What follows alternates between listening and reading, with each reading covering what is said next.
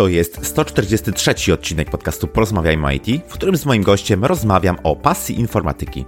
Przypominam, że w poprzednim odcinku rozmawiałem o Skills Gap, czyli o rynku pracy w IT. Wszystkie linki oraz transkrypcję dzisiejszej rozmowy znajdziesz pod adresem porozmawiajmyoit.pl łamane na 143.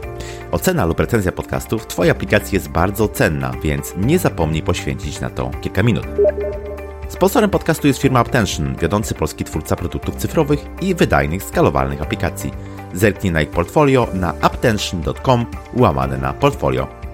Sponsorem dzisiejszego odcinka jest również platforma rekrutacyjna Solid Jobs.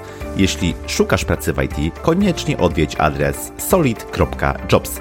Znajdziesz tam tylko oferty pracy z widełkami wynagrodzeń.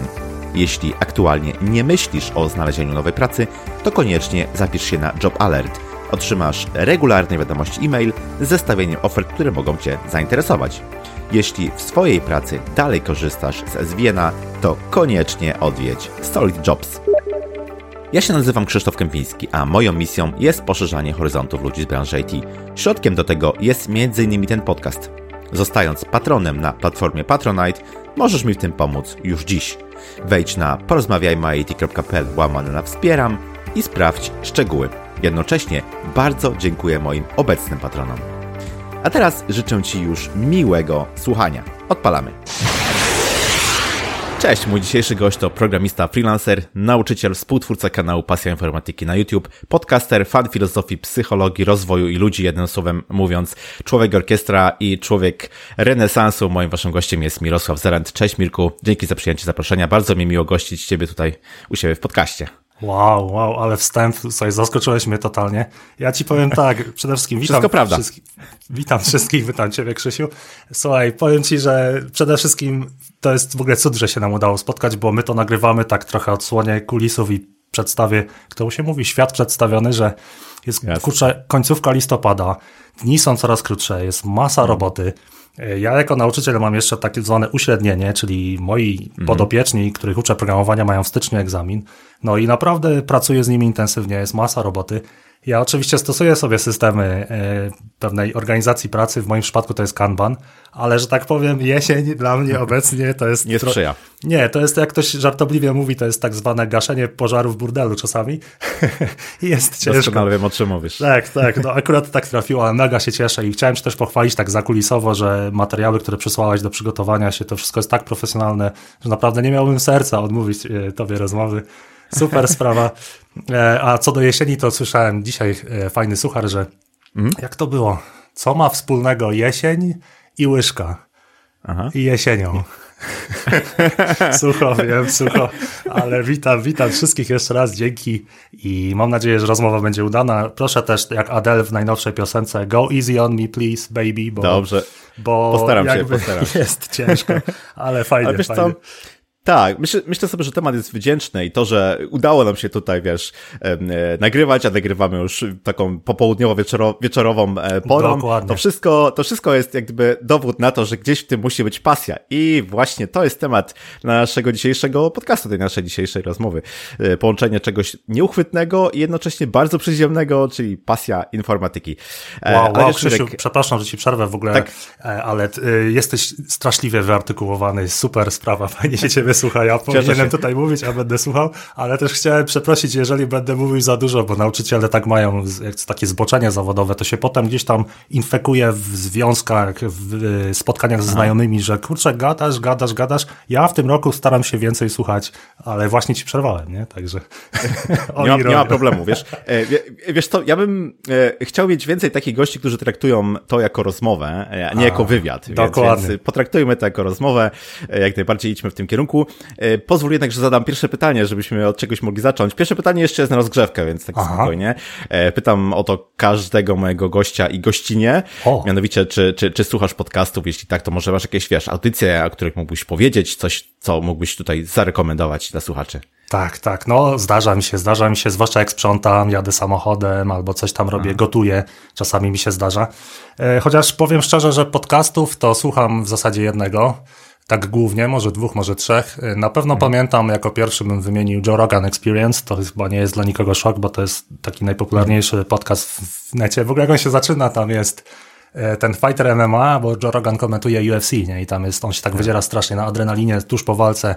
Train by day, Joe Rogan podcast by night, all day. I tam się zaczynają te werble, Dokładnie. ale tak na poważnie, no chyba dlatego, że Joe jest świetnym rozmówcą i daje się ludziom wypowiedzieć i też nie jest taką kalką, tylko ma swoje zdanie, ale potrafi bardzo dobrze kogoś ugościć, tam są naprawdę fajne rozmowy.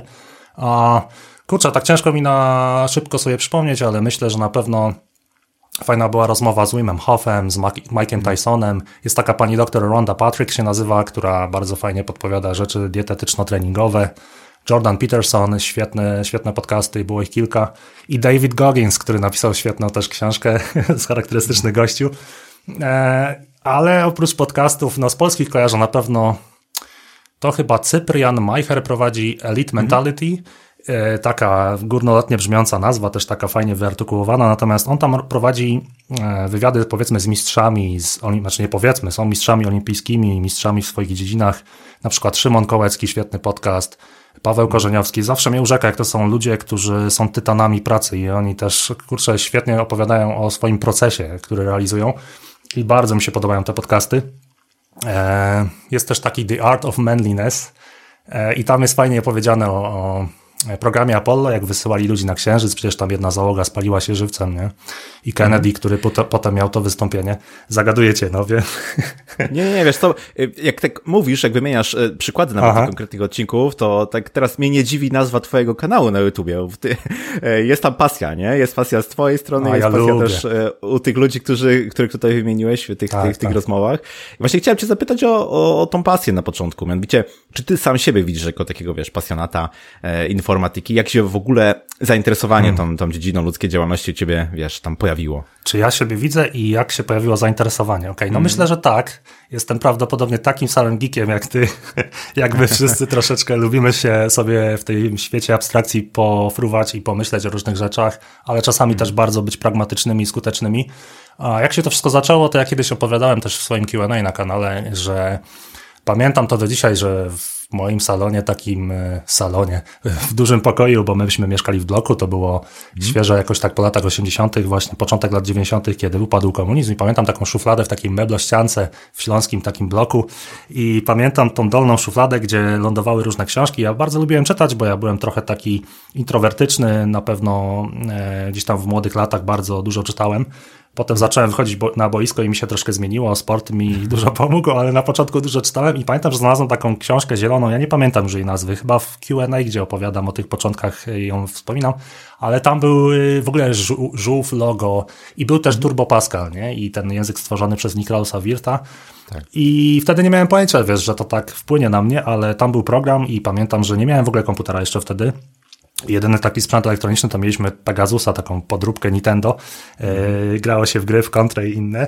Natomiast wpisałem sobie ten kod na kartkę, a on zadziałał jak w momencie, kiedy dostałem PC-ta i to już byłem totalnie po, połknięty. W ogóle samo to, że mnie to tak zainteresowało bez komputera, no, o czymś świadczy, nie? I pamiętam ten pierwszy kod strasznie dużo mi dał e, satysfakcji. Na początku też chyba te umiejętności trochę pomogły mi się też przełamać, bo wielu osobom pomagałem w różnych rzeczach, gdzieś tam mi to zostało. A jak było z tobą? Jak, jak e, zacząłeś przygodę z tą branżą? Wiesz co, bardzo się cieszę, że odbijasz to, to pytanie.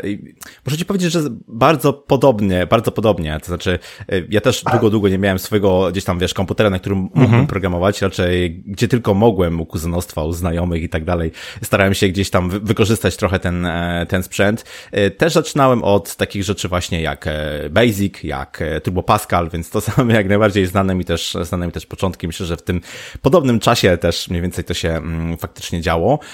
No i nadal pamiętam na lekcjach informatyki pisanie programów na kartce. To, to, to, to, to nie jest nic, nic niezwykłego. Nie? Też, też, też to kojarzę w ten sposób. No i dla mnie zawsze najfajniejsze było to, że to jest taki też akt e, tworzenia czegoś, nie? że powstawało coś, co, czego wcześniej jeszcze nie było, co było gdzieś tylko w mojej głowie i nagle działało, jakoś tak, tak się materializowało, widziałem efekty działania tego. Zawsze to było dla mnie jakoś urzekające. Dokładnie. Mhm. Ja pamiętam jeszcze, jak się kodowało w Turbo Pascalu, to były monitory CRT, żółty mhm. tekst w DOSie na takim oczojęznym tajemnym niebieskim tle. Tak, ja tak. sobie w ten sposób w ogóle oczy zepsułem, ale też wciągnęło mnie, a z wypiekami na twarzy siedziałem, właśnie też budowałem różne rzeczy. Robiło się też gry, kiedy się chodziło do podstawówki i potem do, nie, do, dopiero w technikum. E, w Turbo Pascalu właśnie nam był tryb graficzny. Pamiętam, że robi, zrobiłem taką turówkę, gdzie się walczyło z jedną z nauczycielek i tak się zaczynało, zupełnie niewinnie, nie? To tak chyba wszyscy mówią, że po prostu mhm. nie miałem żadnych jakichś intencji, żeby to się jakoś tam rozbujało, a wyszło jakby samo z siebie, bo jest coś takiego. To jest taki gateway do innego świata, gdzie rzeczywiście możesz sobie coś wyobrazić i to ożyje, nie? To, to mhm. prawda. No właśnie, jak już cię, wiesz, tak weź się ten świat przez ten gateway, nie? To tak się zastanawiam, bo jest takie powiedzenie ukute gdzieś tam w świecie rozwoju, w świecie biznesu, że wiesz, jeśli masz pasję, to tak naprawdę nie przepracujesz ani jednego dnia, bo to zawsze będzie dla ciebie przyjemność. Jestem ciekawy, jak ty na to patrzysz. Czy hmm. faktycznie dla ciebie to jest e, jakieś tam ziarenko prawdy w tym zaszyte, czy też może jest to wielkie oszustwo i mimo wszystko ta praca, którą ty, wiesz, wspomniałeś u tych chociażby sportowców, olimpijczyków, taka codzienna rutyna jest niezbędna, a pasja jest tylko dodatkiem. Hmm. Ha, bardzo dobre pytanie, bardzo dobre pytanie. Na pewno nie zgadzam. Jeśli muszę wybrać zero-jedynkowo, to się z tym nie zgadzam, hmm. bo nie przepracujesz ani jednego dnia? To pytanie, na to pytanie trzeba sobie odpowiedzieć na przestrzeni lat. Na początku, kiedy ta pasja się rodzi i po prostu z wypiekami na twarzy coś robimy i to nam działa i mamy frajdę i jesteśmy głodni tej dziedziny i sukcesów, no to jest łatwo. Rzeczywiście mogę powiedzieć wtedy, że siedziałem 12 godzin i nie odczuwam tego jako w ogóle pracę, ale przychodzi taki etap, kiedy stajesz się w czymś dobry i to się zamienia w pracę. I wtedy musisz przewalczyć i perfekcjonizm, i prokrastynację, i różnego rodzaju zagrożenia, powiedziałbym, efektywności, jak i duchowe, takie we własnym życiu. I też pojawia się coś takiego jak motywacja zewnętrzna, to znaczy ktoś ci płaci na przykład za wykonanie filmu szkoleniowego albo jakiegoś kodu i wtedy motywacja spada, bo jest z zewnątrz. I każdy, kto pracuje gdzieś tam dłużej coś robi, tak rzeczywiście długo, długo, no to on powie, że jest to praca, jest to wysiłek, jest to pokonanie bezwładności takiego systemu otwartego, którym jesteśmy. Trzeba to rzeczywiście przewalczyć, usiąść przed pustą kartką papieru i zacząć po raz kolejny tworzyć. Pokonać też taką pułapkę, że kiedy oddajesz coś naprawdę dobrego, to następny projekt może już to, do tego nie dorastać i jakby podnosisz sobie poprzeczkę, ten perfekcjonizm, który się może rozbujać.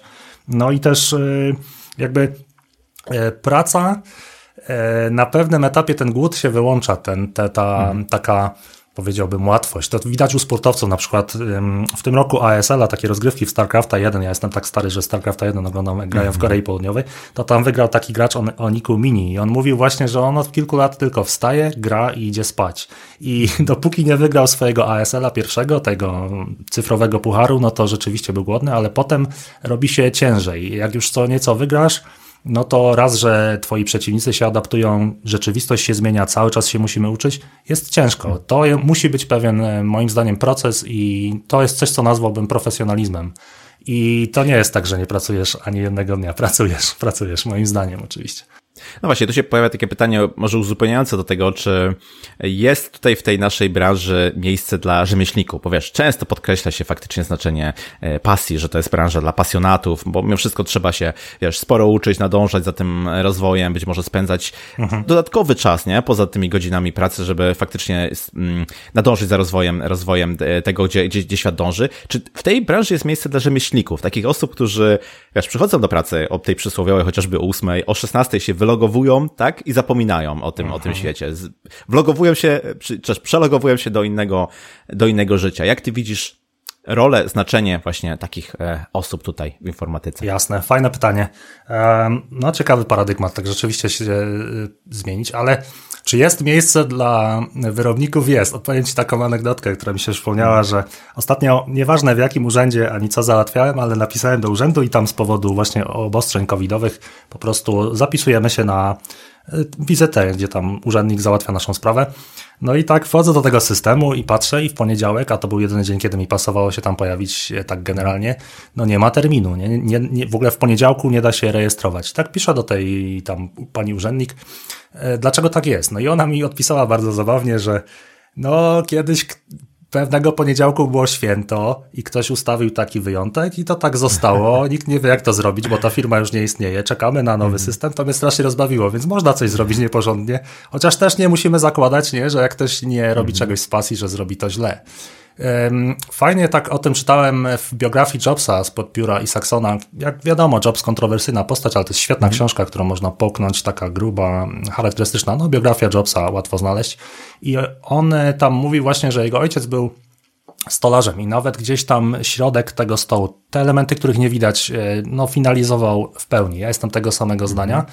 I teraz co to znaczy rzemieślnik? Jeżeli ktoś robi swoją robotę dobrze, jeżeli ktoś robi tę robotę z jakichś powodów y, takich, że no po prostu chce zdobyć utrzymanie dla rodziny, jeżeli y, no to chyba y, mi się wydaje, że to chyba Epiktet powiedział, że stajesz się tym, czemu poświęcasz swoją atencję i uwagę i gdzieś tam mimo wszystko nabywasz umiejętności, można to robić. Mi się wydaje, że najgorszy problem e, w przypadku, kiedy robię to, czego rzeczywiście nie do końca czuję, to jest to, że muszę pokonać większą bezwładność, żeby się, za, żeby się tym mhm. zająć. I też pytanie, jaką ktoś ma dietę, jaką, jaki ma rytm snu, w jaki sposób ćwiczy, czy jest w formie, czy nie, na ile potrafi na siebie wziąć, wziąć takiego wysiłku, e, takiej codziennej walki z tym, że trzeba zrobić coś e, takiego, że pod tytułem idę do pracy. A drugi efekt jest taki, że wszędzie dobrze, gdzie nas nie ma, jest taki efekt. Jeżeli jesteśmy mhm. kimś, kto prowadzi firmę, to często myślimy o tym, jakby to było na etacie, o tej 16 się wylogować i zmienić paradygmat, a jak jesteśmy na etacie, to myślimy, a może by zrobić coś więcej, może by otworzyć firmę. To też trzeba jakoś w miarę świadomie w swoim życiu wybrać. E, I często też taką rolę jeżeli robimy coś, czego rzeczywiście nie czujemy, może spełniać hobby. Ktoś może się realizować po godzinach, wtedy znacząco mu odczuje taką ulgę, że realizuje się też, coś tworzę, nie? Właśnie mam jakieś ujście moich też twórczych soków i mocy. No i tak myślę, że jest miejsce. Oczywiście wszystko zależy od człowieka, tylko że często nie jesteśmy harosami, często nam się nie chce i jeżeli będziesz robić coś, czego nie lubisz, to będzie ci nieco ciężej na tej drodze, w mojej opinii oczywiście. Jest jeszcze taka jedna rola, która mi się kojarzy w pierwszej kolejności z tobą, e, też gdyby miałem okazję zapoznać się z twoimi wystąpieniami, swoim kanałem i tak dalej, i tak dalej. To jest rola nauczyciela, to jest rola e, mentora. W ogóle chciałem cię zapytać, czy według ciebie nauczyciel i mentor to jest to samo, czy to są dla ciebie e, synonimy? I jak to jest z tym byciem właśnie nauczycielem i powiązaną pasją no dajmy na to już w tym obszarze e, informatyki. Czy to jest tak, że trzeba do tego dorosnąć, trzeba nasiąknąć wiedzą jak gąbka, żeby dopiero coś z siebie e, oddać? Czy też, jeśli to jest faktycznie taka decyzja, którą podejmujesz, że teraz chciałbyś kogoś, wiesz, zacząć uczyć, to ten uczeń się po prostu znajdzie, kiedy nauczyciel jest gotowy. Jak, jak ty na, na to patrzysz? Na pasję nauczyć, nauczyciela, na rolę nauczyciela i informatykę? Hmm, dobre pytanie, bardzo dobre pytanie. Powiem Ci, że to jest pytanie, na które mógłbym odpowiadać godzinami, no bo tym się zajmuję i to jest tak, że jak montujesz filmy, to możesz gadać o montażu godzinami, jak uczysz, to możesz mm. uczyć. Wiesz co, dla mnie chyba najważniejsze jest na zajęciach spotkać człowieka, tak bym powiedział po prostu. Ja uczę dość niestandardowo, to znaczy Jasne, są lekcje, gdzie tłumaczę całej grupie na tablicy z prezentacjami, czy w jakiśkolwiek e, taki sposób staram się coś, powiedzmy, przekazać czy wyłożyć, ale większość czasu ja tak naprawdę spędzam z uczniami na stanowiskach i staram się słuchać, z czym oni mają problem, w jaki sposób e, mogę im pomóc, e, nauczyć ich właśnie ukochać błędy, które się pojawiają, że to cię rozwija, wykształcić pewną cierpliwość. Myślę, że e, generalnie zajęcia to jest taka sytuacja społeczna, w której po pierwsze człowiek na pewno chce jakiejś takiej akceptacji, poczucia przynależności jako grupa. Rola grupy jest niesamowicie ważna, żebym ja stworzył grupę ludzi, którzy akceptują siebie wzajemnie, nikt nikogo nie wyśmiewa. Mało tego, pomagamy sobie w tych kodach. E, kto skończy, pomaga innym, ja pomagam. Mamy wszyscy wspólny cel. I chcemy zrealizować na zajęciach, tak atawistycznie myślę, taką potrzebę naturalną, ciekawości poznania świata i to można stymulować tak zwaną taksonomią celów nauczania. I to już gadam jak typowy belfer, ale rzeczywiście nie wystarczy zapamiętać. Trzeba zrozumieć, zastosować, pokonać błędy, czyli dokonać analizy, syntetyzować swój projekt, ocenić to, co zrobiliśmy, zrefaktoryzować. Jest cały szereg też rzeczy, które oddajemy swoją postawą, swoim stylem bycia. Czy mentor? ja bym siebie nie nazwał mentorem, ale zachowuję rzeczywiście taką linię, że to nie jest, nie jestem takim nauczycielem, nie wiem, ze Stowarzyszenia Umarłych Poetów, który siedzi na biurku mm -hmm. i z wszystkimi jest bro. Nie, nie, nie. Mhm. Nadal jest jakiś taki e, stosunek. Tym bardziej, że jakby z czasem e, różnica wieku się zwiększa pomiędzy nami, więc e, pozostaje jednak mhm. tym, nie wiem jak to nazwać, mistrz uczeń, mentor uczeń, whatever. Natomiast niewątpliwie trzeba samemu też czerpać przyjemność z tego, czy ja mam fan z uczenia ich, y, pytać, dać im się wypowiedzieć, czy ktoś ma problem z syntaksem, bo jest dyslektykiem, czy ktoś ma problem z ideą, żeby zadbać o to, żeby tego człowieka ukształtować, żeby on zrozumiał mechaniki, a nie żeby tylko nauczył się mhm. czegoś pamięciowo. E, dbać o to, żeby nikt w grupie się nie zgubił, stosować tak zwane checkpointy, trochę jak w grach komputerowych, jak w Crashu się znajdowało taką skrzynkę z napisem C, to ja tak mhm. często robię, że po prostu w tym momencie się zatrzymujemy i wszyscy staramy się mieć to samo na monitorze, potem pójdziemy dalej. E, staram się po prostu spotkać człowieka i naturalnie gdzieś tam ludzie czują, jeżeli chcesz dla nich dobrze, nie wywyższasz się. Ja zawsze autorytet staram się zdobywać poprzez chyba bym to nazwał służbę. Trochę jak, e, jak Chrystus, który umywa nogi swoim uczniom, e, który gdzieś tam schodzi i z porównaniami, i ze sposobem tłumaczenia po prostu najniżej jak się da, żeby kogoś wyprowadzić, żeby komuś wytłumaczyć. I lubię też dobry klimat na zajęciach. Często włączam jakąś muzykę lo-fi, którą ostatnio polubiłem. Jest taki streamek, nazywa się to chyba Lo-Fi Girl i tam po prostu leci zawsze mm. taka fajna muzyczka lo-fi z e, basami. E, I ona jest taka przewidywalna i tworzy taki fajny kokon dźwiękowy, można powiedzieć, którym się sobie tam kodujemy. No i w ten sposób indywidualnie staram się do każdego podejść, po prostu go spotkać i duży wpływ też na moje nauczanie. Wiem, że mogę o tym gadać godzinami, ale tak już podsumowując, Niklas Wirt, właśnie ten twórca Turbo Pascala, którego język spotkałem w pierwszej książce o Ironio, on powiedział właśnie, ja to też cytowałem w swoim pierwszym filmie chyba, że jak to było, sukces kursu programowania zależy w sposób yy, najważniejszy, krytyczny od yy, jakby wyboru prezentowanych przykładów. Trzeba opowiedzieć dobrą historię, hmm. trzeba kogoś wkręcić, trzeba dać mu czas. tak bym powiedział. Nie, to jest Właśnie, właśnie, to jest, to jest bardzo dobry wątek, myślę, że nie tylko jak gdyby trzeba pokazać ten detal, znaczy on też gdzieś jest na koniec dnia ważny, ale być może dla pełniejszego takiego zrozumienia ważniejszy jest ten szeroki e, obszar, ten, ten, to szerokie spojrzenie, big picture, tak z angielska.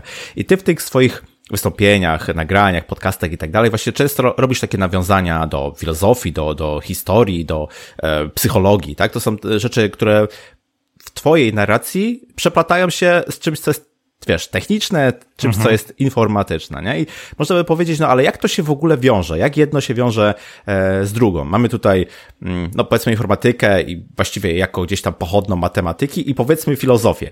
We wcześniejszych latach, na przykład w oświeceniu, to były takie dosyć siostrzane, można powiedzieć, e, dziedziny. Później no, mniej lub bardziej gdzieś zaczęły się, powiedzmy, tam e, rozchodzić. Ale jestem ciekawy, jak ty widzisz tą swoją, wiesz, dziedzinę, tą informatykę w zestawieniu właśnie z e, takimi obszarami ludzkiej działalności, jak chociażby właśnie filozofia, jak chociażby e, psychologia, jak chociażby zrozumienie e, człowieka. Jak te, powiedziałbym, obszary się łączą w Twojej opinii? Ho, kurczę, świetne pytanie.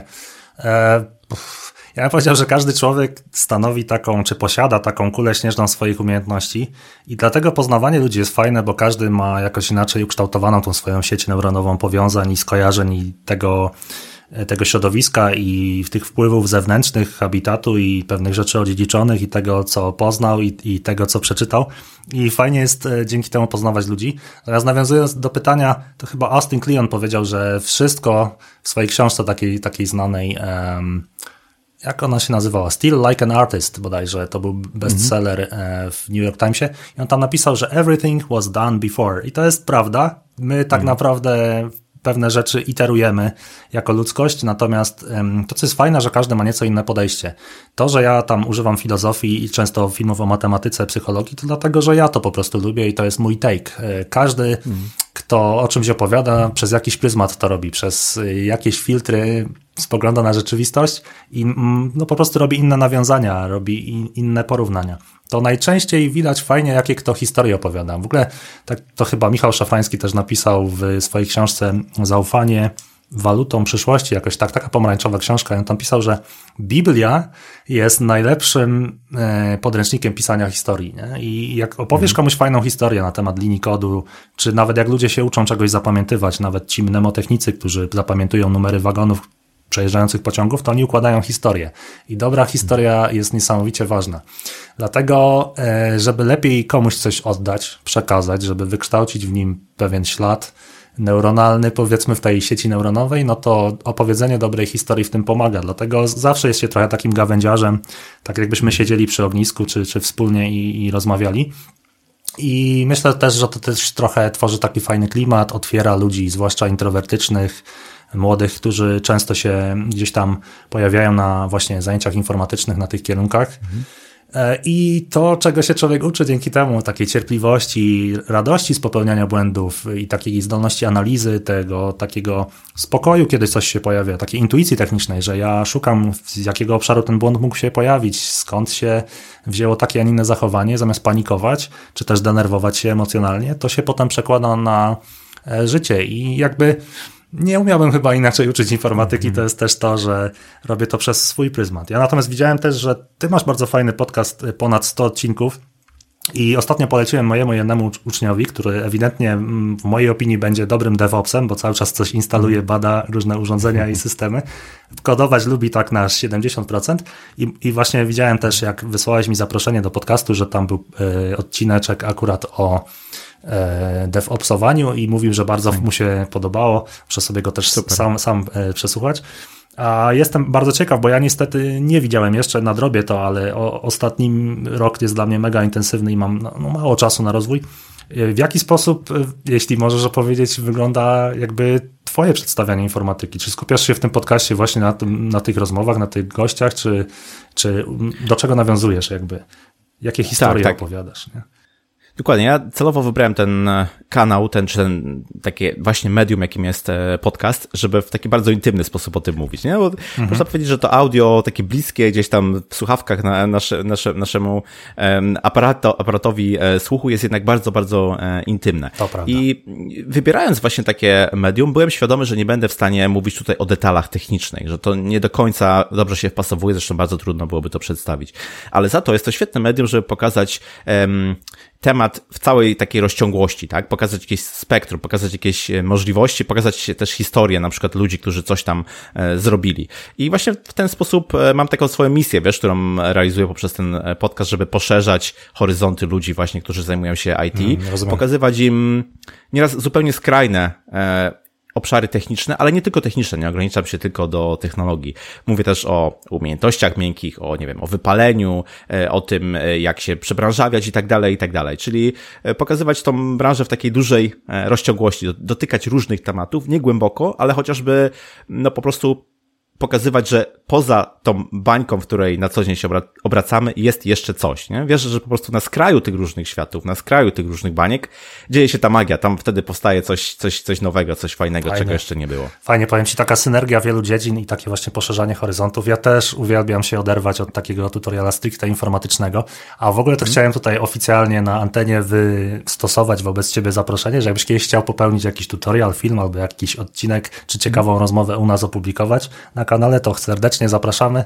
E, bardzo chętnie bym opublikował e, jakąś rozmowę, coś fajnego, czym chcesz się przekazać, co chciałbyś przekazać, możesz śmiało do nas zgłaszać. My też często właśnie na tym kanale publikujemy filmy innych twórców, no bo po prostu też właśnie lubimy e, pokazać przeróżne osoby. Niektórych to denerwuje, bo ludzie na YouTubie mówią, nie, no to jest ten kanał, ty tam jesteś i ty masz tam publikować, Aha. ale zupełnie niepotrzebnie. Właśnie różnorodność jest fajna. Nie należy się zamykać w takiej bańce, myślę, perfekcjonizmu, tylko właśnie, kurczę, inspirować się ludźmi, którzy robią tak różne rzeczy i tak przeróżne rzeczy potrafią łączyć, nie?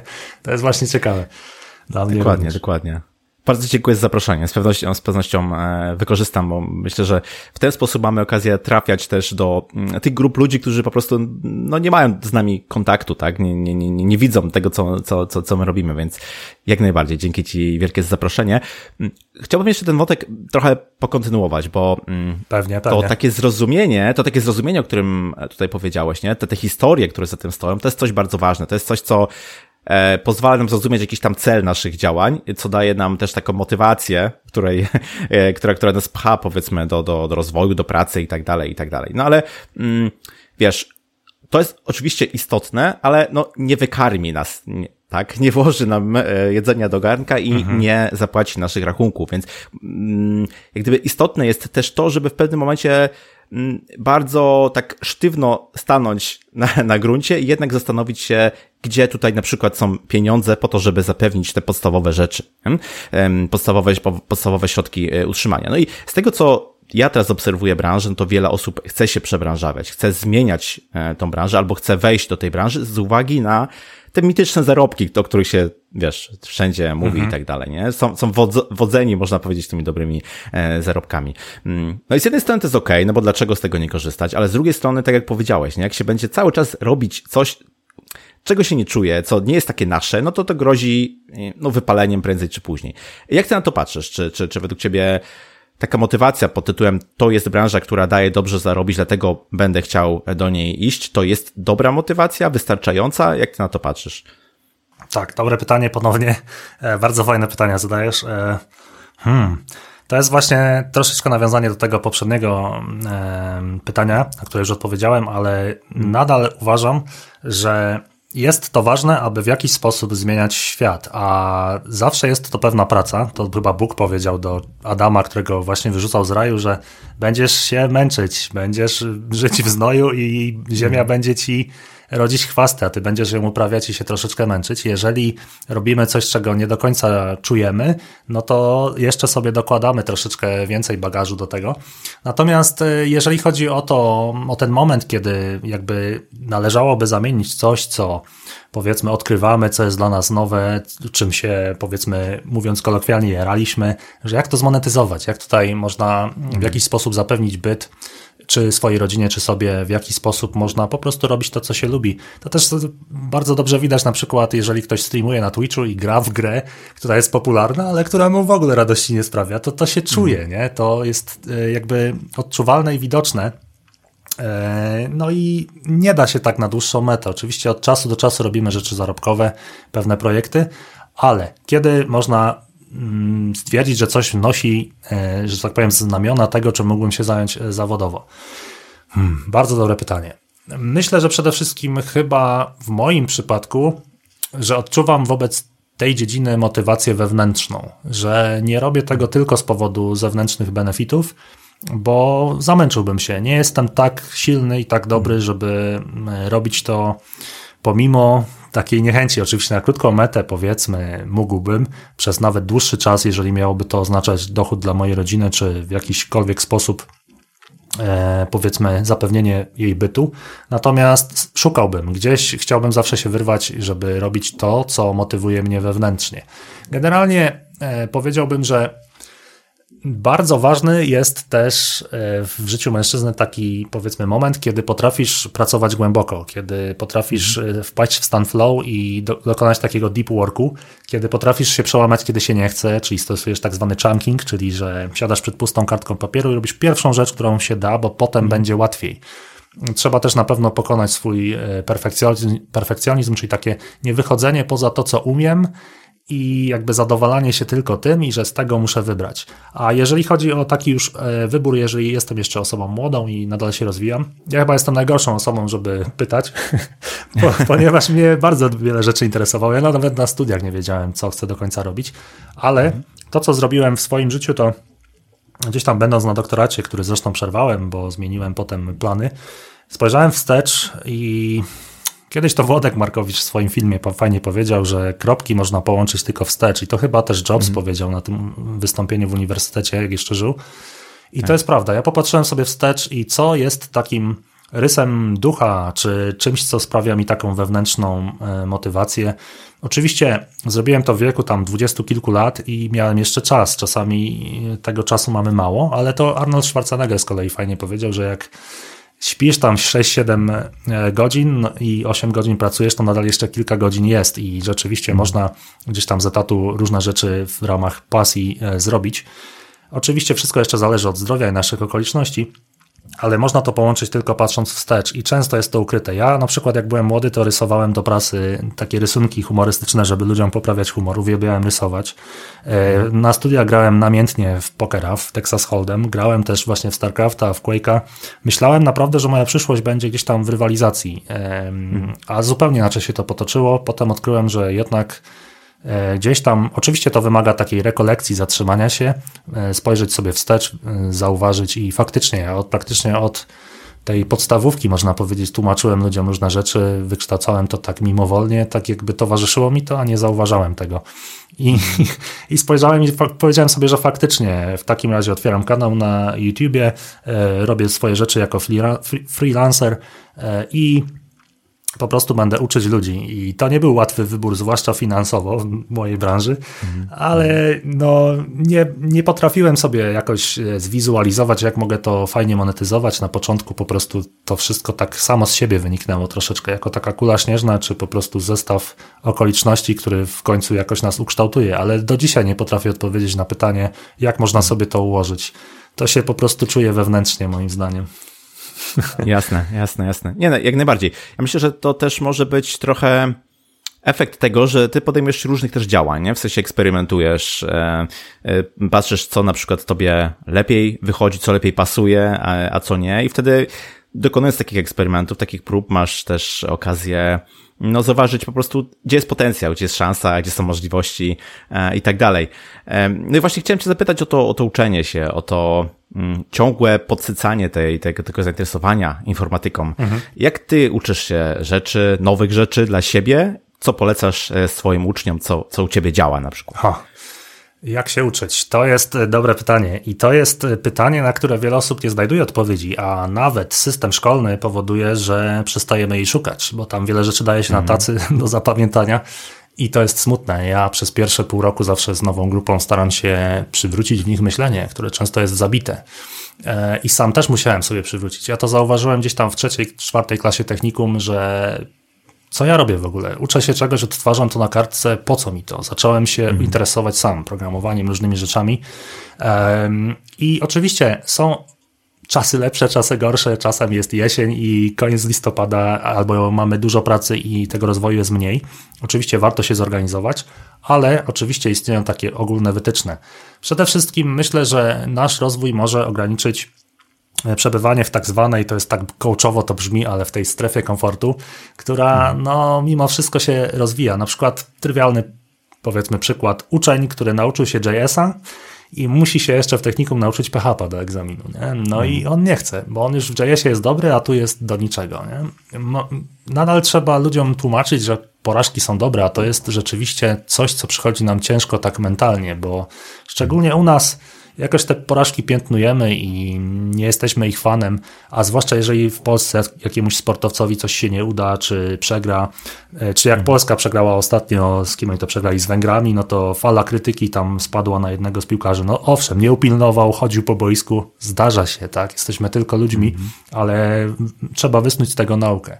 Co nam najbardziej przeszkadza? Ja bym odpowiedział negatywnie, tak jak Buddha odpowiedział e, negatywnie na pytanie o szczęście, czy, czy o miłość, o nirwanę, czym nie jest szczęście, tak? Czyli czym nie jest uczenie się. Na pewno nie jest przebywaniem w strefie komfortu. Jeżeli ja mam na przykład webinar na 100 ludzi, miałem taki we wtorek, gdzieś tam o programowaniu, no to jest to stres. Widać cię na kamerze, 100 ludzi cię obserwuje, ocenia nieustannie, mm. ale robię to. No trzeba wyjść i po prostu to zrobić. E, wyjść w nieznane, jak Budda z pałacu, jak ten jasny synek w ciemną noc, jak powiedział Kamil Baczyński, mm -hmm. ale dziwne porównanie, ale mieszał to. Natomiast, no serio, nie? czasami trzeba zdać się na to, że możemy być upokorzeni, że nie jesteśmy najlepsi mm -hmm. na świecie, nie, nie, nie lubimy tego, przynajmniej ja zawsze miałem z tym problem e, jako człowiek, żeby no, po prostu zaryzykować, ale wtedy najfajniejsze rzeczy się dzieją. I to jest coś, co nazywamy perfekcjonizmem. Ja bym powiedział, że to takie ograniczenie można pokonać, jakby takim antidotum na to jest e, ramy czasowe, to znaczy realizuję swój proces od do, włączam sobie timer metodą Pomodoro albo i nie, ale przychodzę, jeżeli jestem pisarzem, to piszę codziennie. Jak idzie, tak idzie. Siadam przed pustą kartką, kontynuuję po prostu czasowo nie skupiam się na efektach, tylko na wykonaniu pracy. Jestem tym człowiekiem, który po prostu nawet w brudzie i w dercie i w madzie i w błocie szuka tych swoich inspiracji i robi, nawet jak widzisz, że to co zrobiłeś to jest po prostu do niczego, no co z tego? Po prostu pracuje godzinę. Uwalnia to troszeczkę tak mentalnie. No i przede wszystkim trzeba powiedzieć fuck it, idę, robię, czy to będą zimne prysznice, czy wystąpienia publiczne, czy zagadanie do jakiejś ładnej dziewczyny, czy, bo nie wiem, cokolwiek cię przeraża, zrób to. Nie? To się łatwo mówi oczywiście, bardzo ciężko się robi, ale to jest to, co nas najbardziej ogranicza. Nie wychodzimy poza technologie, które już znamy, nie chcemy wychodzić głębiej, no to naturalnie nie, nie będziemy się rozwijać. Nie? Drugim bardzo dużym zagrożeniem jeśli mogę, to jest dopamina, o której też zrobiłem taki duży podcast i to widzę w młodych ludziach, że dopamina sprawia, że nie mamy takiej pracy głębokiej i, i jakby flaczeje nam troszeczkę własna wola i jesteśmy w takim maraźmie i konsumujemy bardzo dużo, ale mało z siebie dajemy. Nasz umysł jest na zwiększonych obrotach, bo konsumuje wiele historii, ale nie mamy czasu na zatrzymanie się. A to chyba Freud powiedział fajnie, że jakby e, dorosłość jest sztuką posiadania u siebie opóźnionej gratyfikacji. Ważna hmm. jest właśnie cyfrowa równowaga i praca głęboka, że tak jak Karl Gustav Jung pisał swoją książkę, no to na dwa tygodnie się zamykał po prostu w, w wręcz jaskini, którą wynajął. To była też ciekawa historia w książce Deep Work. I tak trzeba czasami zrobić, a my jesteśmy rozrywani na tysiąc kierunków, nawet jak jesteśmy młodzi. No i prokrastynacja, czyli odkładanie. Recepta na to to jest chunking, czyli po prostu zacznij to robić, zacznij ten projekt, cokolwiek, zrób pierwszy akapit, nie myśl o tym, co jest do zrobienia, nie próbuj tego od razu ogarnąć metodą wstępującą, tylko zrób pierwszą możliwą rzecz, rozpocznij. I to są takie mhm. zagrożenia, czyli podsumowując, e, to był perfekcjonizm, zagrożenie no, nierównowagi cyfrowej, czyli za duża ilość dopaminy, potem czujemy się tacy, obolo- tacy jesteśmy, nie że nas boli, tylko po prostu w takim maraźmie tkwimy i ciężko jest się wyrwać, bo nasz umysł jest przebodźcowany. No i prokrastynacja, czyli takie znowu kołczowe słowo, ale takie mhm. Taka, taka trudność w rozpoczęciu projektu i siedzenie nad tą kartką, próbowanie ogarnąć wszystkiego, ale odkładamy, odkładamy, a czas leci, nie? Także to są te najważniejsze, mi się wydaje, zagrożenia. Odpowiadając negatywnie. Tak, tak. Dzięki wielkie za to, za to podsumowanie, za te wszystkie punkty. To są bardzo szerokie tematy i na każdy z nich dałoby się pewnie kilka audycji. Ja i tak nagrać. jestem pod wrażeniem, że to jakoś zebrałem, ale myślę, że no, jakiś sens był. Przepraszam za to, jak mówię, go easy on me. Nie, jak, jak najbardziej, jak najbardziej jest tutaj, jest tutaj sens, to są konkretne e, porady. I wiesz, myślę sobie, że to jest ok dla osób, które są jakoś tam świadome już na przykład tego, tego, co robią, albo że świadomie czegoś tam się podejmują, być może są świadome pewnego braku, nie? Psychologia mówi nam, że bardziej nas boli jakiś tam brak, niż e, cieszy e, przyszły, przyszły zysk, więc być może tak faktycznie ten brak jest takim większym motorem, większym driverem. Ale co byś powiedział, albo jak się, jakbyś się odniósł do nauki programowania już u dzieci, wiesz, nie? Czy, czy, czy oni jeszcze nie czują tego braku, nie czują tej, tej, tej potrzeby? E, czy ta umiejętność według Ciebie jest faktycznie wszystkim potrzebna, czy powinniśmy po prostu przy, no, przymusowo to może źle powiedziane, obowiązkowo uczyć dzieci programowania. Mhm. Wiem, co masz na myśli. Natomiast zanim jeszcze odpowiem na pytanie o dzieci, które jest bardzo ciekawe, ja się w tym czasie zastanowię, to bardzo jestem ciekaw, jakie ty masz e, sposoby na pokonanie takiej niechęci do zrobienia czegoś, czy takiego okresu marazmu. Oczywiście mówimy o sytuacji, kiedy no, nie chorujemy, kiedy rzeczywiście potrzebujemy odpocząć, tylko faktycznie no, nie chce nam się, nie? Co wtedy robisz? masz jakieś złote recepty dla mnie? Tak, właściwie Właściwie mam dwie rzeczy, które stosuję. Pierwsze to jest e, planowanie czasu. E, to znaczy mhm. ja faktycznie bez, bez swojego kalendarza i przez, bez systemu do, do, do, do takiego tudusa to chyba bym naprawdę zginął. Tam jest połowę mojego mózgu, mam, mam wrażenie. E, ale dzięki temu pozwala mi to trochę, wiesz, te neurony odciążyć i, i skupić się faktycznie na tym, co mam zrobić, mhm. a nie powiedzmy, co jeszcze muszę zrobić tam w, w przyszłości. Czyli mm, trzymanie planu na wszystkie te rzeczy i faktycznie bukowanie sobie czasu, zarezerwacja czasu E, w kalendarzu na mhm. rzeczy, które chcę zrobić, nie? Bo, bo zauważyłem, że one przypadkiem się nie wydarzą, one mimochodem się nie pojawią, nie, mhm. nie, nie przydarzą. Wiesz, kolejny podcast się sam nie wyprodukuje, bo znajdę na, na niego trochę czasu. Muszę mieć konkretnie na to zaplanowany czas, wtedy rzeczy się, e, wtedy rzeczy się dzieją. I wtedy ja też nie muszę się, mm, ja też nie muszę się zmuszać do niczego, mm. bo nauczyłem się podążać za tym kalendarzem, nau, nauczyłem się po prostu przerzucać na dane zadanie w momencie, kiedy ono jest w kalendarzu, bo też jestem trochę świadomy tego, że jeśli tego nie zrobię teraz, to mój kalendarz może nie przyjąć e, przesunięcia tego zadania gdzieś tam. E, tak, czy jesteś więc... świadomym twórcą, bo zdajesz, Damian też zawsze mówi, że ja muszę mm. mieć młot nad sobą i deadline wtedy pracuje na Tak, tak, tak, tak. I to jest też taki nawyk, nie? To jest nawyk, Tak. który trzeba, trzeba sobie wypracować, ale jak, jak już on faktycznie jest, to, e, to, to, to, to daje radę. No i też ta metoda chunkingu, o, który, o której wspomniałeś, u mnie też to dobrze działa. Jeśli faktycznie mi się czegoś tam nie chce, to albo e, Mhm. takie jedno większe zadanie rozbijam sobie na kilka mniejszych i wtedy już traktuję to jako pierwszy krok, że w ogóle wiesz, Tak, słonia nie zjesz w całości, nie? tak, tak, tak, że już sobie to zaplanowałem, albo faktycznie robię jakąś tam drobną rzecz. I to bardzo często przejawia się u mnie w momencie, kiedy zaczynam tworzyć taki skrypt do podcastu. Że teraz sobie, my sobie tutaj bardzo swobodnie rozmawiamy, ale są takie tematy, podcasty bardziej techniczne, Tak. gdzie to wymaga jakiejś ramy, nie? Wymaga to jakiejś, jakiejś ramy, wówczas muszę e, często ten temat dopiero poznać, bo jest dla mnie zupełnie nowy, wiesz, mam 140 odcinków No, na, na koncie, nie, nie, na wszystkim się znam, niektóre muszę te tematy dosyć mocno e, zgłębić. No i wtedy faktycznie jest ten opór, nie? Jest ta prokrastynacja e, i tak dalej, i tak, Tak, dalej. ona się często pojawia właśnie, jak musisz coś zresearchować, musisz zacząć, nie? A Tak, jakiego tak, używasz tak, systemu tak, tak. do zapisywania swoich tasków, czy, czy tego kalendarza? Wiesz, ja, korzystam właściwie z dwóch prostych narzędzi. To jest Nozbi jako taka lista e, to do. Tam można też projekty sobie tam tworzyć, więc to fajnie grupuje e, zadania. I Evernote do notatek. I właściwie tyle mi wystarcza. Super, super. Oba te systemy znam, sam używałem Nozbi, bo jest fajne, bo można sobie ten, to, to jest w tej takiej, mm, powiedzmy, w tym paradygmacie GTD, nie? E, zrobione. tak, tak, tak, tak, I tak. tam można było nawet wpisać, że kup kwiaty na ten dzisiejszy dzień, to jest bardzo fajne.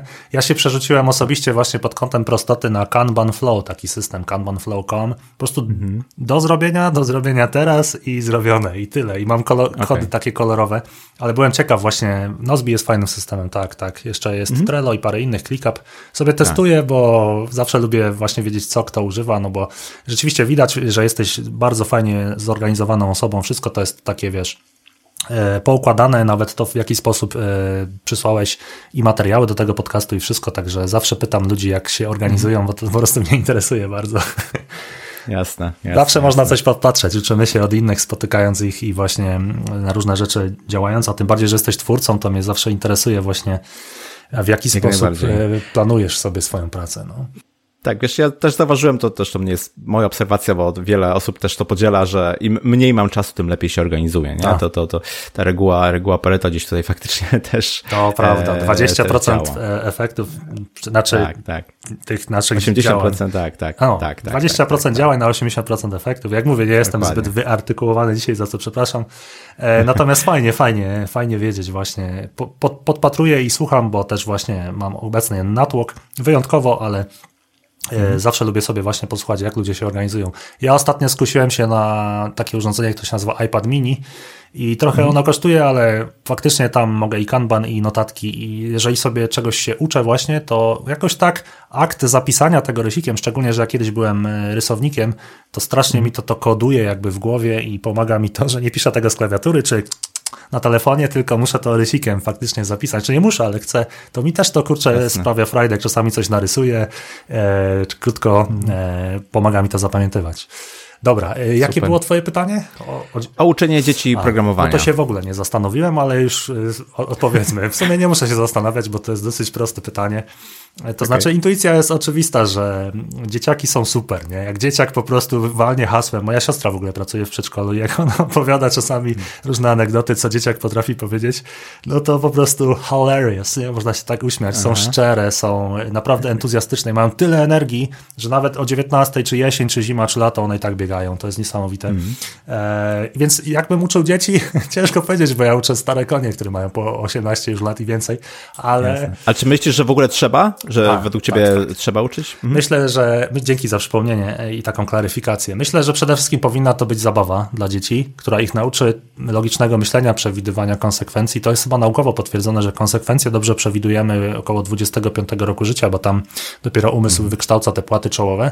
I dzieci muszą y, się gdzieś tam, e, czy to źle brzmi, że muszą, powinny się uczyć e, w sposób na pewno powiązany z zabawą, dużo więcej takiego entuzjazmu, a nie jakiegoś sapania ze strony nauczyciela, dawać im proste przykłady, bardziej graficzne, więcej powtarzać, e, repetytywność na pewno. No na pewno nie kładziemy jeszcze nacisku na żadne dobre praktyki, tylko ich uczymy e, logicznie myśleć i dawać im mocne sprzężenia zwrotne, dużo entuzjazmu tym dzieciom. E, Uważam, że e, co do drugiej części pytania, tak szachy, jak i programowanie wprowadziłbym. No, Szachy uczą i taktyki, i strategii, gdzie taktyka to jest zdobycie jakiejś figury na krótką metę, ale i strategia, w jaki sposób wyprowadzam swoje figury, co planuje zrobić na dłuższą metę, a programowanie właśnie chyba największą wartość dla dziecka to jest to, że spotykając problem nie reagujesz emocjonalnie, tylko znajdujesz od razu właśnie choćby poprzez chunking, czy właśnie zdolność analizy. Pierwszą rzecz, którą mogę zrobić, e, to jest niezwykle ważne w życiu też e, no, mężczyzny.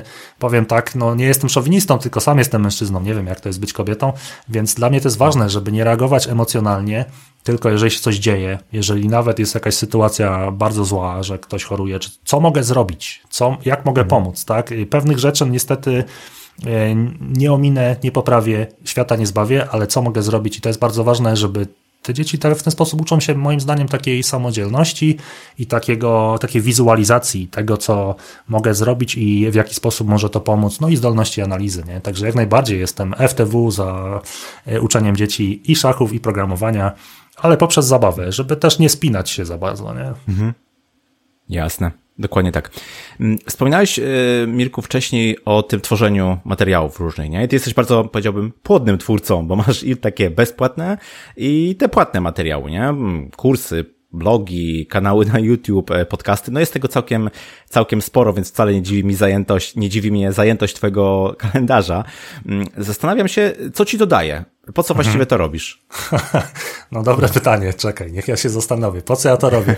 E, no nie no, jakbym zażartował, to bym powiedział, że z przyzwyczajenia już, będąc jakby z, z rutyny. w maglu, tak. Natomiast e, wiesz co, właśnie to, że kiedyś sobie spojrzałem w tył i zobaczyłem, że w tył w sensie czasowo, że daje mi to jakąś taką satysfakcję. I chyba jak tak patrząc, na początku pomogło mi to gdzieś tam przełamywać się i w ogóle łatwiej nawiązywać kontakty z ludźmi, bo byłem na pewno osobą mocno nieśmiałą, introwertyczną. Gdzieś tam dużo czytałem, ale e, dopiero gdzieś tam boisko i sytuacje takie z podwórka i właśnie e, różnego rodzaju pomoc, której udzielałem, ale nie tylko w ogóle otwarły mnie na E, gdzieś tam bycie z ludźmi na to, żeby się uczyć, jak być z ludźmi.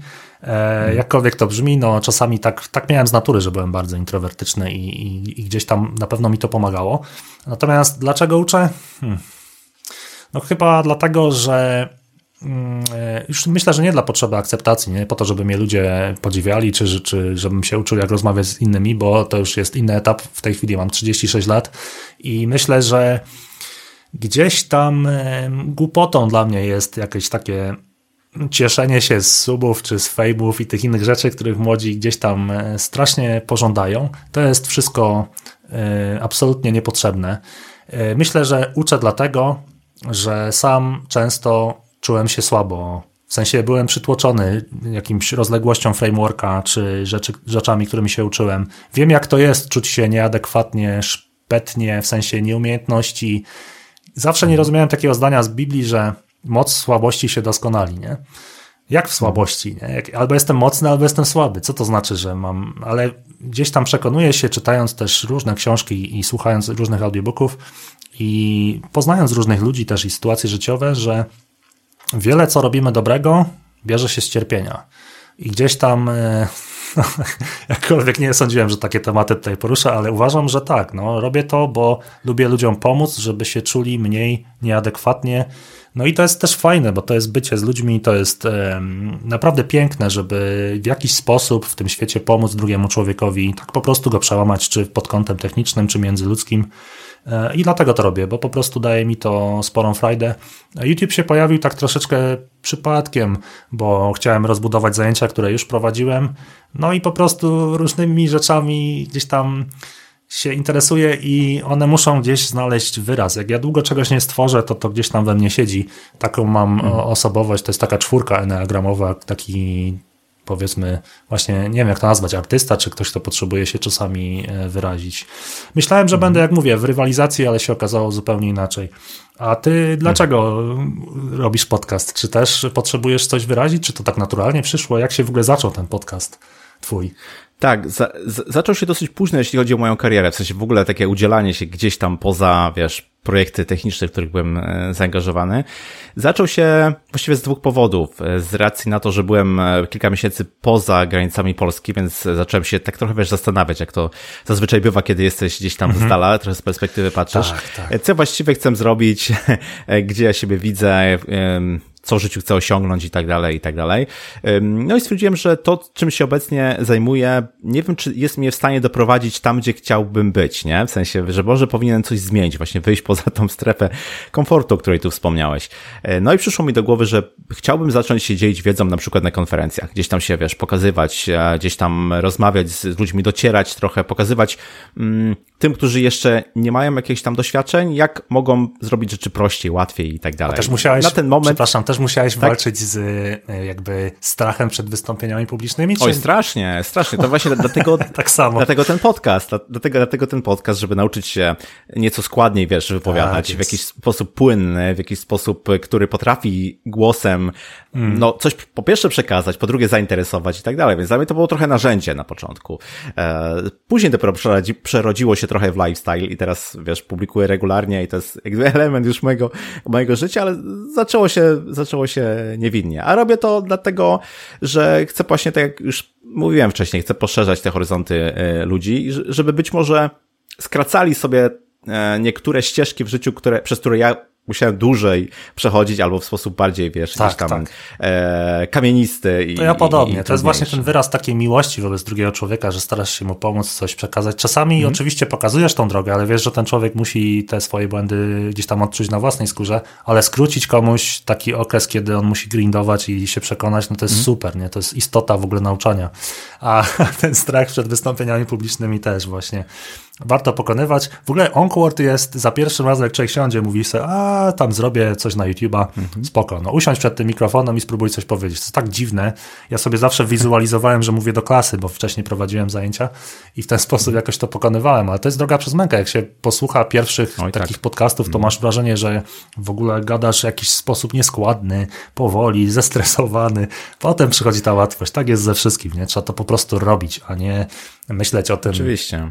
Zazwyczaj wydaje nam się, że to tylko takie, wiesz, techniczne rzeczy, to je się kształtuje robiąc, ale tak naprawdę zaryzykuję twierdzenie, że praktycznie każda umiejętność przechodzi nam właśnie w ten sposób. Tak. W momencie, kiedy powtarzamy, kiedy się nie poddajemy, kiedy być może analizujemy to, co zrobiliśmy źle, y, poprawiamy, znowu robimy i wtedy się ta, tak, ja bym, ta, ta rzecz... Ja bym bardzo, bardzo bym polecał w tym momencie taką książkę, jeżeli twoi słuchacze, widzowo, widzo, oglądacze, słuchaczo, e, oglądacze nie, słyszają, nie słyszeli, nie, nie umiem się wysłowić, przepraszam, jest jesień, to polecam taką książkę Atomowe nawyki.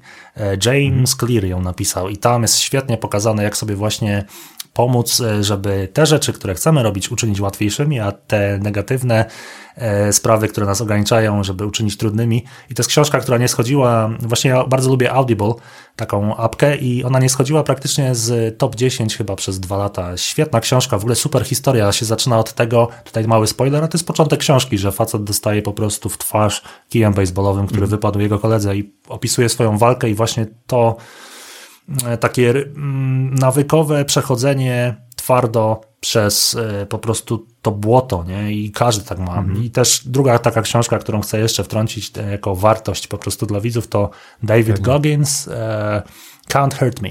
Nie możesz mnie skrzywdzić. To jest, kurczę, świetna książka, a najbardziej mnie zaskoczyło jej zakończenie, ale nie mogę powiedzieć, bo nie chcę spoilować.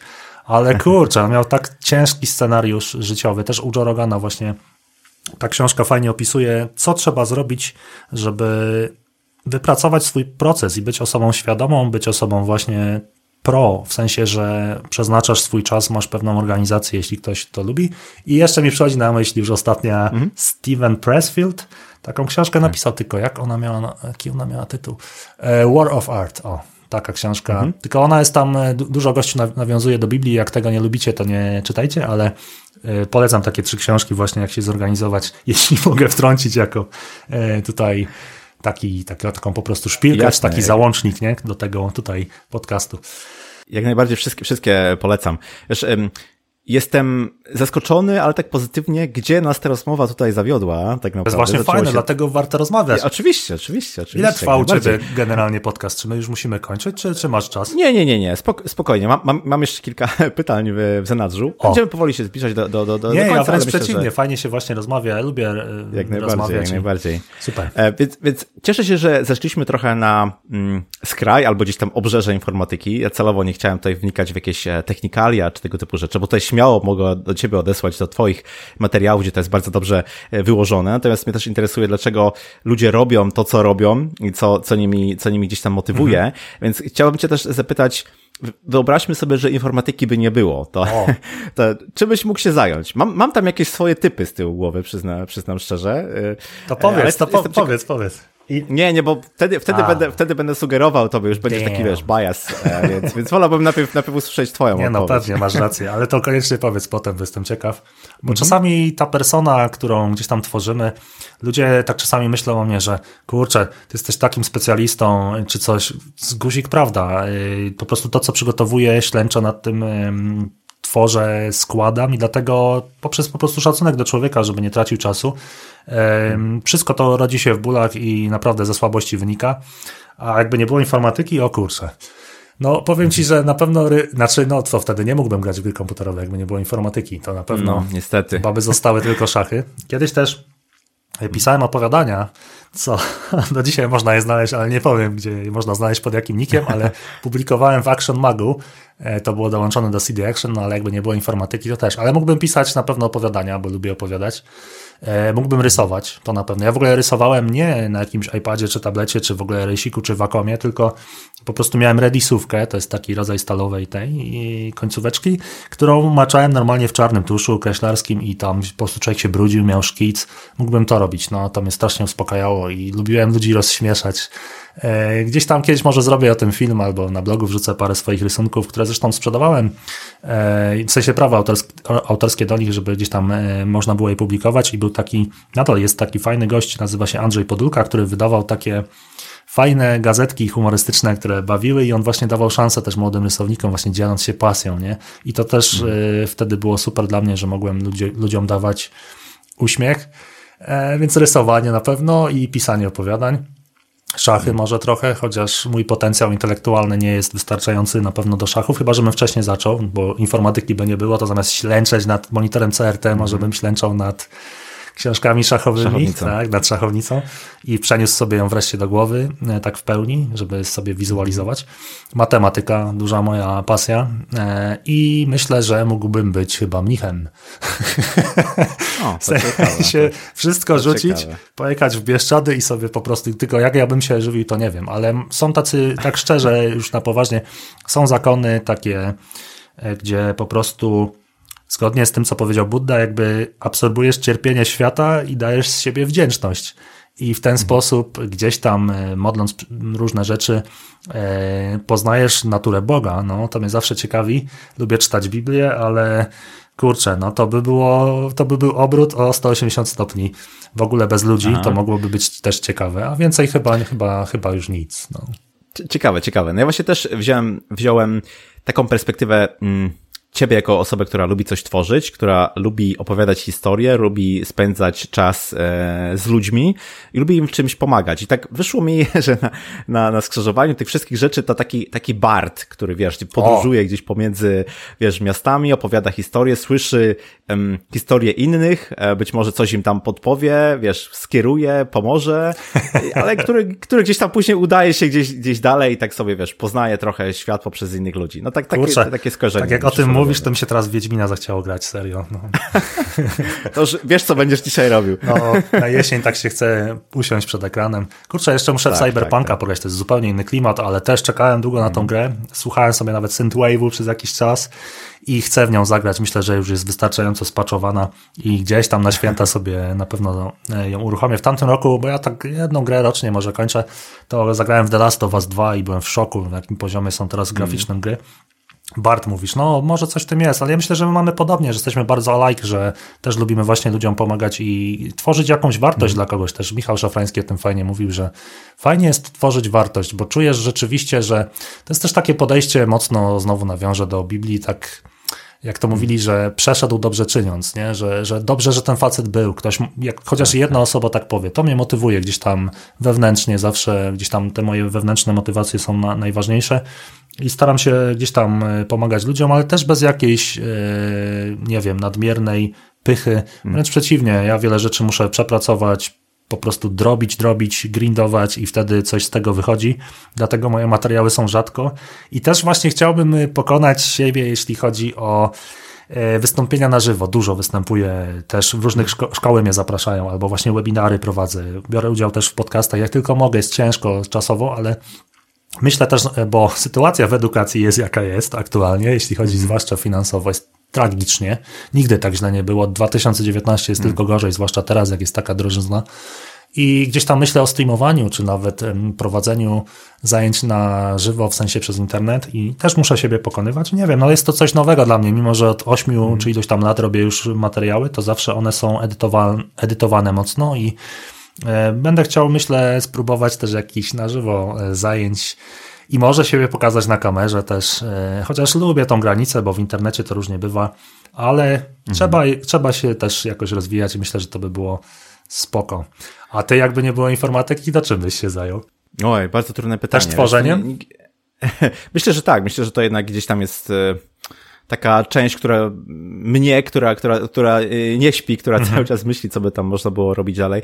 E, ja też mm, no mam taką potrzebę, jakby to powiedzieć, odznaczania kolejnych rzeczy jako, jako zrobione, nie? Że jakby tak. e, nie, to jest być może moja przypadłość, że nie, nie znaczy może nie, że nie lubię, ale raczej mam problem z cieszeniem się obecną chwilą. Mm -hmm.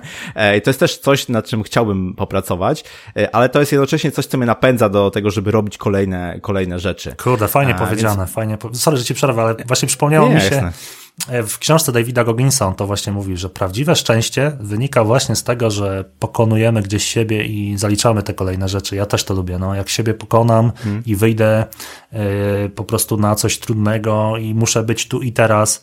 I zawsze też, y, tak jak coś nagrywam, to się trochę stresuję, czy jak mam nową grupę, czy jak muszę wystąpić publicznie, także, hmm. że zwłaszcza jak mnie widać i tak dalej. E, no, trzeba to zrobić ale nie jest to łatwe i rzeczywiście jak uda nam się to zaliczać, to jest prawdziwa taka satysfakcja, taki delayed gratification, który wynika z tego, że się przygotowałeś, nadrobiłeś, ale mimo wszystko wystąpiłeś na żywo. I gdzieś tam e, fajnie, że o tym mówisz, tak, tak. To moim zdaniem jest istota szczęścia, że, że siebie realizujemy mhm. i robimy rzeczy trudne, nie?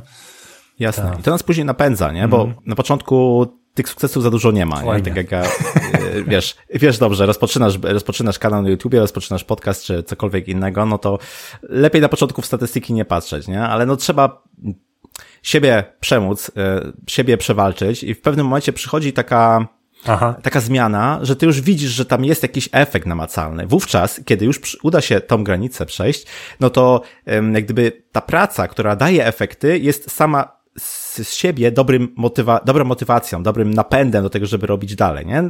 Początek jest jednak najtrudniejszy. Najgorzej, najgorzej. Wiesz, co jeszcze jest trudne? No. Jak zrobisz film i miną z 2-3 lata i tak patrzysz na ten swój film i mówisz, kurde, ja bym to teraz zrobił zupełnie lepiej, inaczej. Zawsze jest o, takie, tak, tak.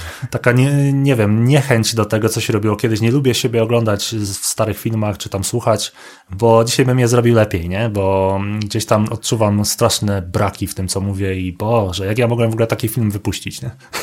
No, ja podobnie, wiesz. Da, na, Damian też tak ma, no, śmiejemy się zawsze z tego. No właśnie, właśnie, to, to, to tak chyba, znaczy myślę, że to jest dobre, że to jest dobra oznaka tego, że faktycznie mamy ten postęp. Nie? Gorzej by było, gdyby tego efektu nie było. No, no dokładnie, to... z tego się trzeba cieszyć no właśnie. No. pewnie, pewnie. Mirku, tak sobie rozmawiamy ponad godzinę. E, na koniec mam jeszcze jedno, jedno pytanie, takie wiesz, w stylu ala, ala wróżka. E, Chciał, chciałbym cię zapytać, e, jaką ty widzisz rolę informatyki w przyszłości? Może widzisz jakieś takie istotne kierunki wpływu informatyki na nas jako ludzi, jako społeczeństwo, coś, co będzie się wybijało według ciebie w najbliższej przyszłości? Hmm. Dobre pytanie, dobre pytanie. Na pewno dzieje się, w ogóle my żyjemy w takich czasach, ja się urodziłem w 85 roczniku, to po prostu to się rodziło na naszych oczach, nie? Pamiętam jak się mhm. chodziło do kafejki internetowej, żeby tam wykręcić 0,20, 21, 22 i trochę ściągnąć sobie jedną MP3 za darmo. A to jak to mhm. się rozwija, to jest przerażające wręcz, e, niesamowite, nie?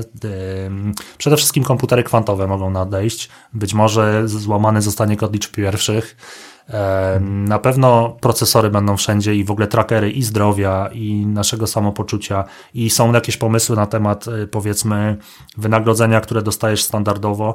Moim zdaniem świat troszeczkę odbił, odbija w, aktualnie w stronę takiego troszkę wielkiego brata. To brzmi tak bardzo foliarsko, ale idziemy w stronę jakiegoś takiego totalitaryzmu cyfrowego, mi się wydaje. Technologia do tego troszeczkę się przyczynia, no bo mamy systemy rozpoznawania twarzy, trakowanie, mm. mamy różnego rodzaju technologie i patenty, które mogą na to wpłynąć. Ja mam bardzo dużą nadzieję, że my jako ludzkość bardziej się zjednoczymy, że będziemy potrafili spojrzeć na pewne rzeczy spoza jakiejś takiej perspektywy polityki, tak jak obecnie w Ministerstwie Edukacji wszyscy na to wszystko patrzą, tak jak i związkowcy przez pewne e, wąskie klapki po prostu polityki i wpływów partyjnych i tak dalej, zamiast po prostu ogarnąć tę dziedzinę. Mm. Jakby zrobić tak e, reformę, która rzeczywiście uzdrowi ten system, rozumieć ten system, zanalizować go e, i jakby rzeczywiście robić to, co się robi kompetentnie. Nie?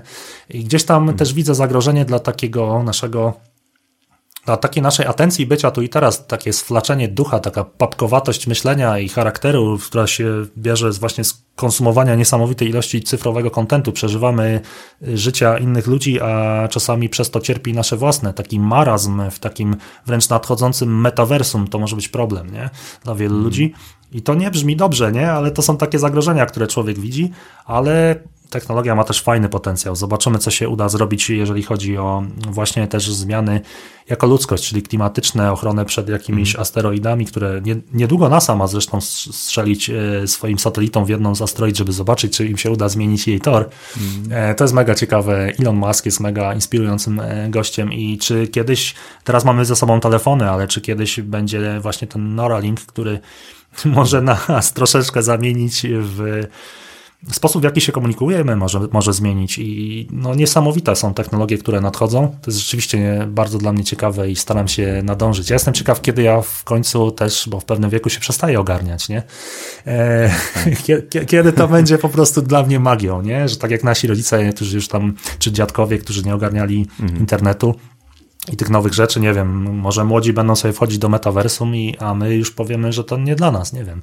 Na pewno już to, tą, tą przerwę pokoleniową zauważam w muzyce, bo, Oj, bo, tak. bo jest, ale no ciekawe. A jak ty uważasz, w jaką stronę to wszystko zmierza?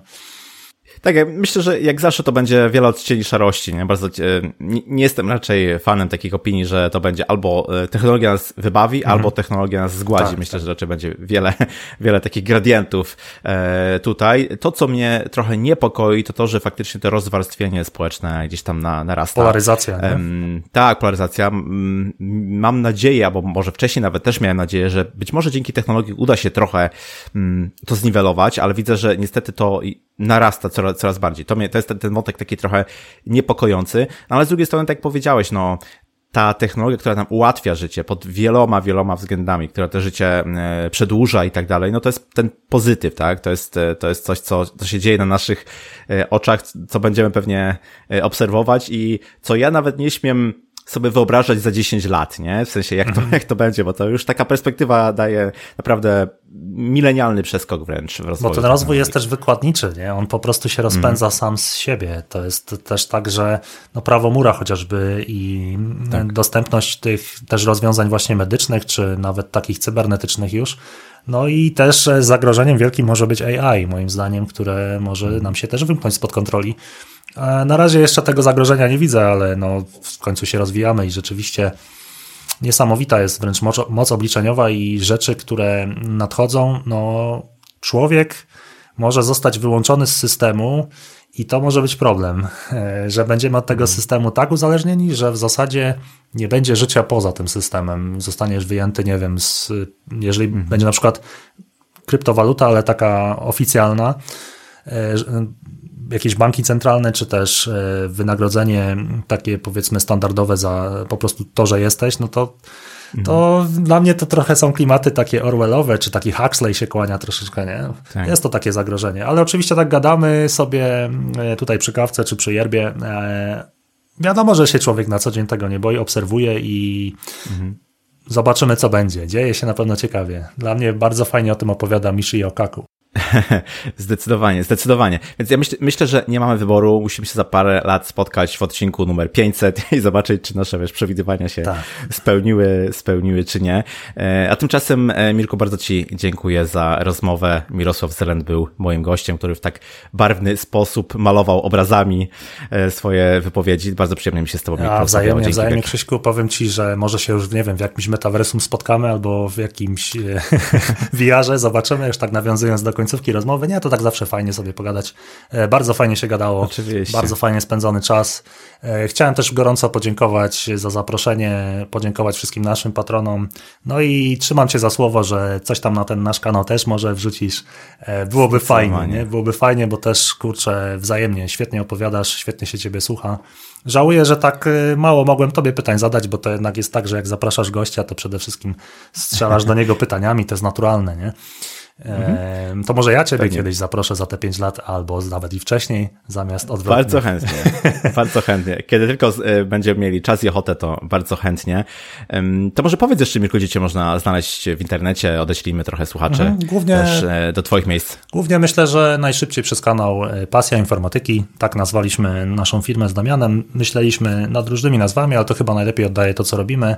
Strona mirosławzalent.pl, Pasja informatyki.pl rozdzielona myślnikiem egzamin informatyk, to jest taki trenażer do egzaminu i to chyba te najważniejsze miejsca. Myślę, że najprościej trafić na e, kanał YouTube, albo jak ktoś chce mieć to fajnie zebrane, powiedzmy nie w playlistach, tylko w takich kafelkach, no to wtedy mirosławzelent.pl. Mhm. Super. Super, super. Oczywiście wszystkie linki w notatce do odcinka standardowo się znajdą. Mirku, wielkie dzięki. Jeszcze raz życzę Ci udanego e, wieczoru. Dzięki za poświęcenie. Dziękuję, dziękuję i dziękuję e, potrójnie i też życzę Ci dużo zdrówka na jesień. Trzymaj się zdrowo i niech te projekty e, się tworzą. Dzięki wielkie. I to na tyle z tego, co przygotowałem dla Ciebie na dzisiaj. Pasja do informatyki z pewnością pomaga, ale nie jest niezbędna, aby w tej branży się odnaleźć. W mojej opinii ważniejsze od niej są ciężka praca, nauka i przełamywanie swoich barier. Testuję ostatnio urządzenia Microsoft Surface dla profesjonalistów i jestem pozytywnie zaskoczony, jak bardzo położono w nich nacisk na mobilność. Większość urządzeń z tej linii ma możliwość pracy w kilku trybach, co wpasowuje się dobrze w charakter pracy ludzi z IT. Do czytania dokumentacji czy oglądania kursów świetnie nadaje się tryb tabletu. Do codziennej pracy, przykładowo z kodem, możliwość podłączenia monitorów zewnętrznych lub tryb laptopa. Wszystko to stwarza idealny ekosystem do podnoszenia produktywności pracy w naszej branży. Jeśli ten odcinek był dla Ciebie interesujący i przydatny, oddziel proszę recenzją, oceną lub komentarzem w social mediach. Jeśli masz jakieś pytania, pisz śmiało na krzysztofmapa.porozmawiajmy.it.pl Zapraszam też do moich mediów społecznościowych. Ja się nazywam Krzysztof Kępiński, a to był odcinek podcastu Porozmawiajmy IT o pasji informatyki. Zapraszam do kolejnego odcinka już za tydzień. Cześć!